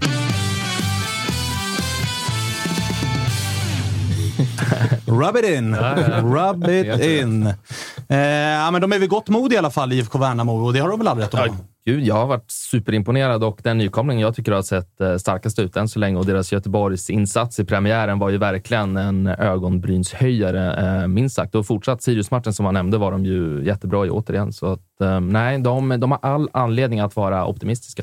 Har du sett någonting Värnamo hittills? Såg bara matchen mot Göteborg. Delar du bilden som Marcus har av att det var förvånansvärt bra? Ja, nu är jag ute på lite djupt vatten när jag ska spekulera i Värnamo, känner jag. Men min spontana känsla är att de har mer ett projekt från Superettan de kan bygga vidare på, än det som du var inne på med Helsingborg. Att det är lite att de kanske måste ifrågasätta den här 4-3-3-modellen, hitta nya lösningar utan löper och så. Värnamo känns mer stabilt. Det, poängskörden är inte skräckenjagande, men det finns en tydlig kontinuitet från Superettan. I alla fall min känsla. Ja, men 100 procent. Och du såg väl dem ganska mycket. Och jag såg också dem en del förra året och de var ju ja, absolut det bästa laget i Superettan. Och just det här att de är... Ehm, ja, de har ju sitt projekt som de jobbar på. Det är liksom allt City och Tern och alla andra i staben är ju magiska egentligen, det de gör med det här materialet. Ja, de har ju haft ett långsiktigt byggande. De var i division 1 eh, och sen har de byggt på det och de var ju, de var ju överlägset bäst i Superettan förra året och hade ju liksom en spelidé som var ändå ganska liksom liksom kreativ och det här det är intressant som Fredrik nämnde, det här med att de, att de har liksom inte några riktiga spetsspelare utan de kan rotera. De roterade jättemycket i Superettan och vann ändå så som de gjorde. Det brukar inte alltid vara ett framgångsrecept i Superettan. Det känns ibland som att så här, det starkaste laget med de starkaste elva spelarna, de går upp. Liksom. Men här i Värnamo, det känns som att liksom, de har lyckats bygga en bredd som ändå är ganska få förunnat liksom ur ett superettan-perspektiv. Tydligare profiler i Helsingborgs IF, medan det är all respekt till alla fotbollsspelare i IFK Värnamo, men det är ju relativt profillöst mm. lag, men en jävla styrka i kollektivet. Och det fascinerande är ju också att Freddy Winst är väl en av dem som faktiskt har, han har ju varit där hur länge som helst hela sin karriär, eh, och kanske deras viktigaste spelare sett till många, många parametrar. Han har inte spelat en sekund än så länge den här säsongen. Han har ju varit borta. Um, och ändå lyckas de uh, göra det här. Så mm. nej, all cred till dem. Eh, Asp, jag gissar att du på söndag kommer befinna dig på Friends då det är eh, AIK-Djurgården. Mm. Allsvenskans hetaste match. Håller du med? Ja, det får man väl säga. Även ifall Jocke och säkert Josip och några kommer hålla den andra matchen i omgång fem, den mellan Malmö och IFK Göteborg, som, eh, som den största. Men, men eh, jag skriver såklart under med dig på att det är eh, det största rivalmötet. Vi har ju fått ett nytt rivalmöte den här säsongen också. Helsingborg-Elfsborg. Mm, Sissi eldade igång någonting inför säsongen när hon... Så att du försökte sätta oss på plats, vilket ju är lättare sagt än gjort när man kommer från Borås. Men, eh, Ja, men det var en öm tå. Mm. Alltså, vi märkte diskussionerna efter hon kastade ur sig det hon gjorde, att det var, det var många helsingborgare som, eh, som gick igång. Och nu möts ni. Och det ska ju sägas också att vi har ju en, en historia av att spela i Superettan de senaste åren och då har man inte så många att gnabbas med. Nej. Så jag tror att det kan också, det är inte, det är inte superkul att liksom gnabbas med Norrby. Det är roligare när Elfsborg försöker liksom sticka ut hakan. Men har eh, Sissi eldat igång någonting som gör att du känner lite extra nu när Elfsborg kommer på besök? Eller? Ja, men det är liksom, man är inte svårvetad som supporter heller. Så att när det kommer den här, liksom, framförallt gjorde hon någon bash mot både stan och laget och allting. Hon drog ju en ganska hård. Så, så att det är klart att eh, det finns lite taggar där. Vi ska kolla ifall hon har hällt bensin på den brasan. Vi, vi avslutar väl programmet med att ringa upp eh, Sissi och se hur pulsen är, ifall det är halvdag som gäller och grejer. Här har vi henne, Sissi. Hur, eh, hur är taggen inför eh, Helsingborg borta? Säsongens sämsta bortamatch, som du själv har sagt. Ah, nej, sämst. Men det är så jävla gött att veta att det blir 3-0. Utan att jinxa. Utan jinx blir det, blir det 3-0. Har du tagit halvdag redan, eller hur ser uppladdningen ut? Nej, alltså det är inte lätt att få ihop alla matcher och, och liksom livet. Så det blir bil ner samtidigt köra lite möten på vägen ner. Ah, Eh. Kom, Match och hem. kombinera nytta med nöje, så att säga. Verkligen. Det är alltid värt belöningen man får sen. Men du, har du märkt av någonting av det vi har varit inne på? Att det du sa, din första medverkan, har gjort att det här har blivit ett ganska hett möte? Ja. ja, men jag har nog väl några bra DM jag har fått i alla fall. På Twitter och Instagram, så det är kul. Känner du själv av att den här matchen blev ännu hetare nu efter det? Het och het. Det är ju som sagt Helsingborg, det ska bara vinnas. Olof, Ja, så. vad känner du? Olof. Otro, otroligt liksom, eh, börskorgen ut. Här känner jag det är liksom, liksom det är Malmö FF-vibbar på det här. Jag bara, jag bara tänker bara, Äh, jag nej, tänker bara säga så här. har jag. tänker, ja, fast har du det? Eh, jag bara känner att så här, eh, ja, nej men kom, kom så får vi se hur det här går. Och om det blir någon jinx här och där. Alltså. Om Drejka gör mål, det blir bra. Men du, eh, är det någonting med det här? Det har man ju tjatat om, om ditt kära lag länge. Att det här med eh, riktigt gräs. Det är ändå riktigt gräs på Olympia, så där finns det någonting som gör att du kanske känner att 3-0 lär det nog inte bli. Nej, men det handlar bara om att göra första målet tror jag. Eller bara göra... Alltså inte släppa in och köra första så kommer det nätas in. Och jag är inte rädd för gräset längre heller. Eh, Det har ju varit snack, men nej, så dålig är vi inte på gräs. Ah, Okej, okej. Eh, Och ni har ju fått repa er också sen den där eh, inledningen mot eh, Mjällby. Nu gjorde du ju faktiskt bra mot Malmö. Du såg att vara på Josip lite grann och så nu senast så såg, det, så såg det bra ut igen. Känner du att det är medvind i, i Borås igen? Ja, men jag känner ju väldigt medvind för Elfsborg och motvind för Helsingborg. Ja, det... Så- det, det. Det är där min känsla kommer ifrån. Ah, Okej, okej. Hur många blir ni där nere? Och jag har faktiskt dålig koll den här gången, men det blir...